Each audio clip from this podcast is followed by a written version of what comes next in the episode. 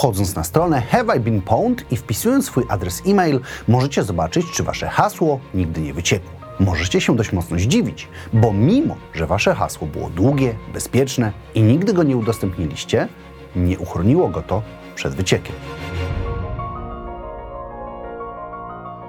Wycieki danych to dość szerokie pojęcie, które w skrócie określa wyjście na światło dzienne informacji, które powinny pozostać prywatne. Tyczy się to zarówno wcześniej wspomnianych wycieków haseł, kont bankowych, maili, numerów telefonów, ale także poufnych informacji firm czy nawet rządów.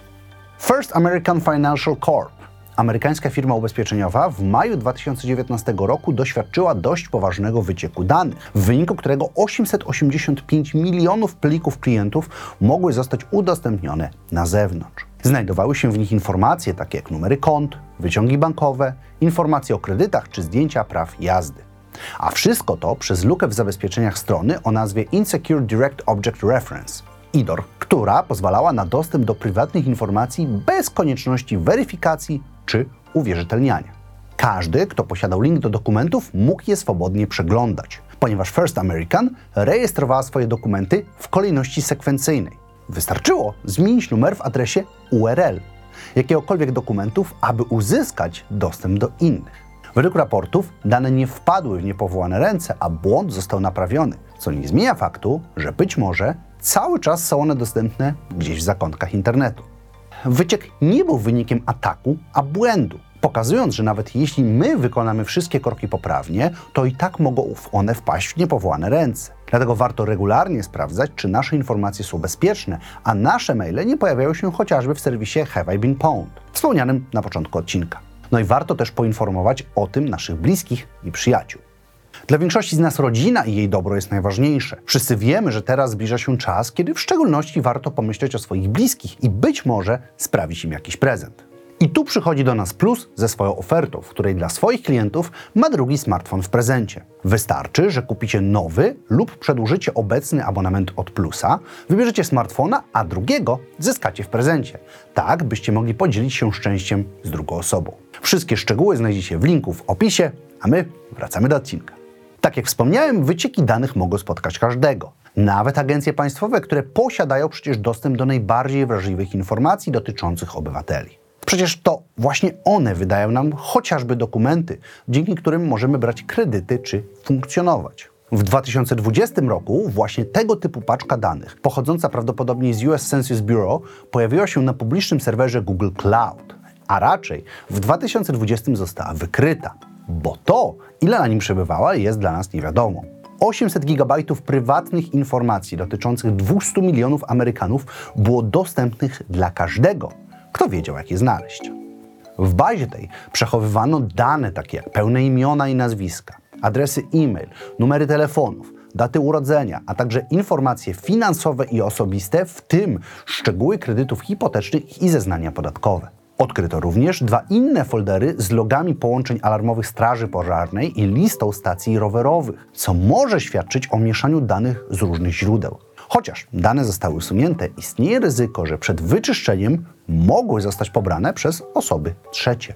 I to właśnie jedno z największych zagrożeń, jakie niosą wycieki danych. Na dobrą sprawę mogą być ich miliony, a informacje o nas mogą być dostępne bez większych barier. Na tym kanale wielokrotnie podnosiłem temat zbrodni doskonałej, czyli takiej, która nie zostawia po sobie żadnych śladów. I tak też jest tutaj. Nie wiemy, czy ktoś nie pobrał kiedyś bazy danych Google, tylko umiejętnie ukrywa swoją obecność, a także fakt ich posiadania. Zwłaszcza, że Google miało problem z wyciekiem danych. W roku 2018 dane nawet 500 tysięcy użytkowników Google Plus zostały udostępnione przez słabe zabezpieczenie. Imię, nazwisko, miejsce zamieszkania, zawód, adres e-mail czy zdjęcia stały się informacjami dostępnymi dla nieznanej ilości osób, co stanowi dość spory problem, bo informacje te mogą zostać wykorzystane w wielu nie do końca legalnych celach.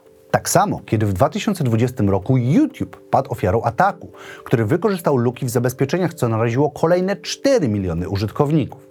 To część jednego z większych ataków, w którym 235 milionów profili na TikToku, Instagramie i YouTubie zostały zeskrapowane. Oznacza to, że ściągnięto z nich wszystkie informacje dotyczące publikacji, oglądalności, wyników i danych dostępnych na profilach. Bardzo podobny wyciek spotkał też Facebooka. W jego wyniku dane 540 milionów użytkowników zostało wystawionych publicznie. Był to błąd po stronie deweloperów, którzy zamieścili bazy danych na serwerze Amazona, nie dbając o poprawne zabezpieczenia. Był to kolejny wyciek z cyklu, w których ujawniono wiele poufnych informacji dotyczących aktywności, identyfikatorów czy nawet używanych haseł. Z pozoru wydaje się to być niewielka strata. No bo skoro dane są publiczne, to przecież nie ma w tym nawet nielegalnego aspektu hakerstwa. Jednak scraping nie bez powodu jest zabroniony przez regulaminy platform. Dostęp do tak dużej ilości danych pozwala na tworzenie kampanii spamowych, a także ataków phishingowych skierowanych w stronę tych, którzy są najbardziej na nie narażeni.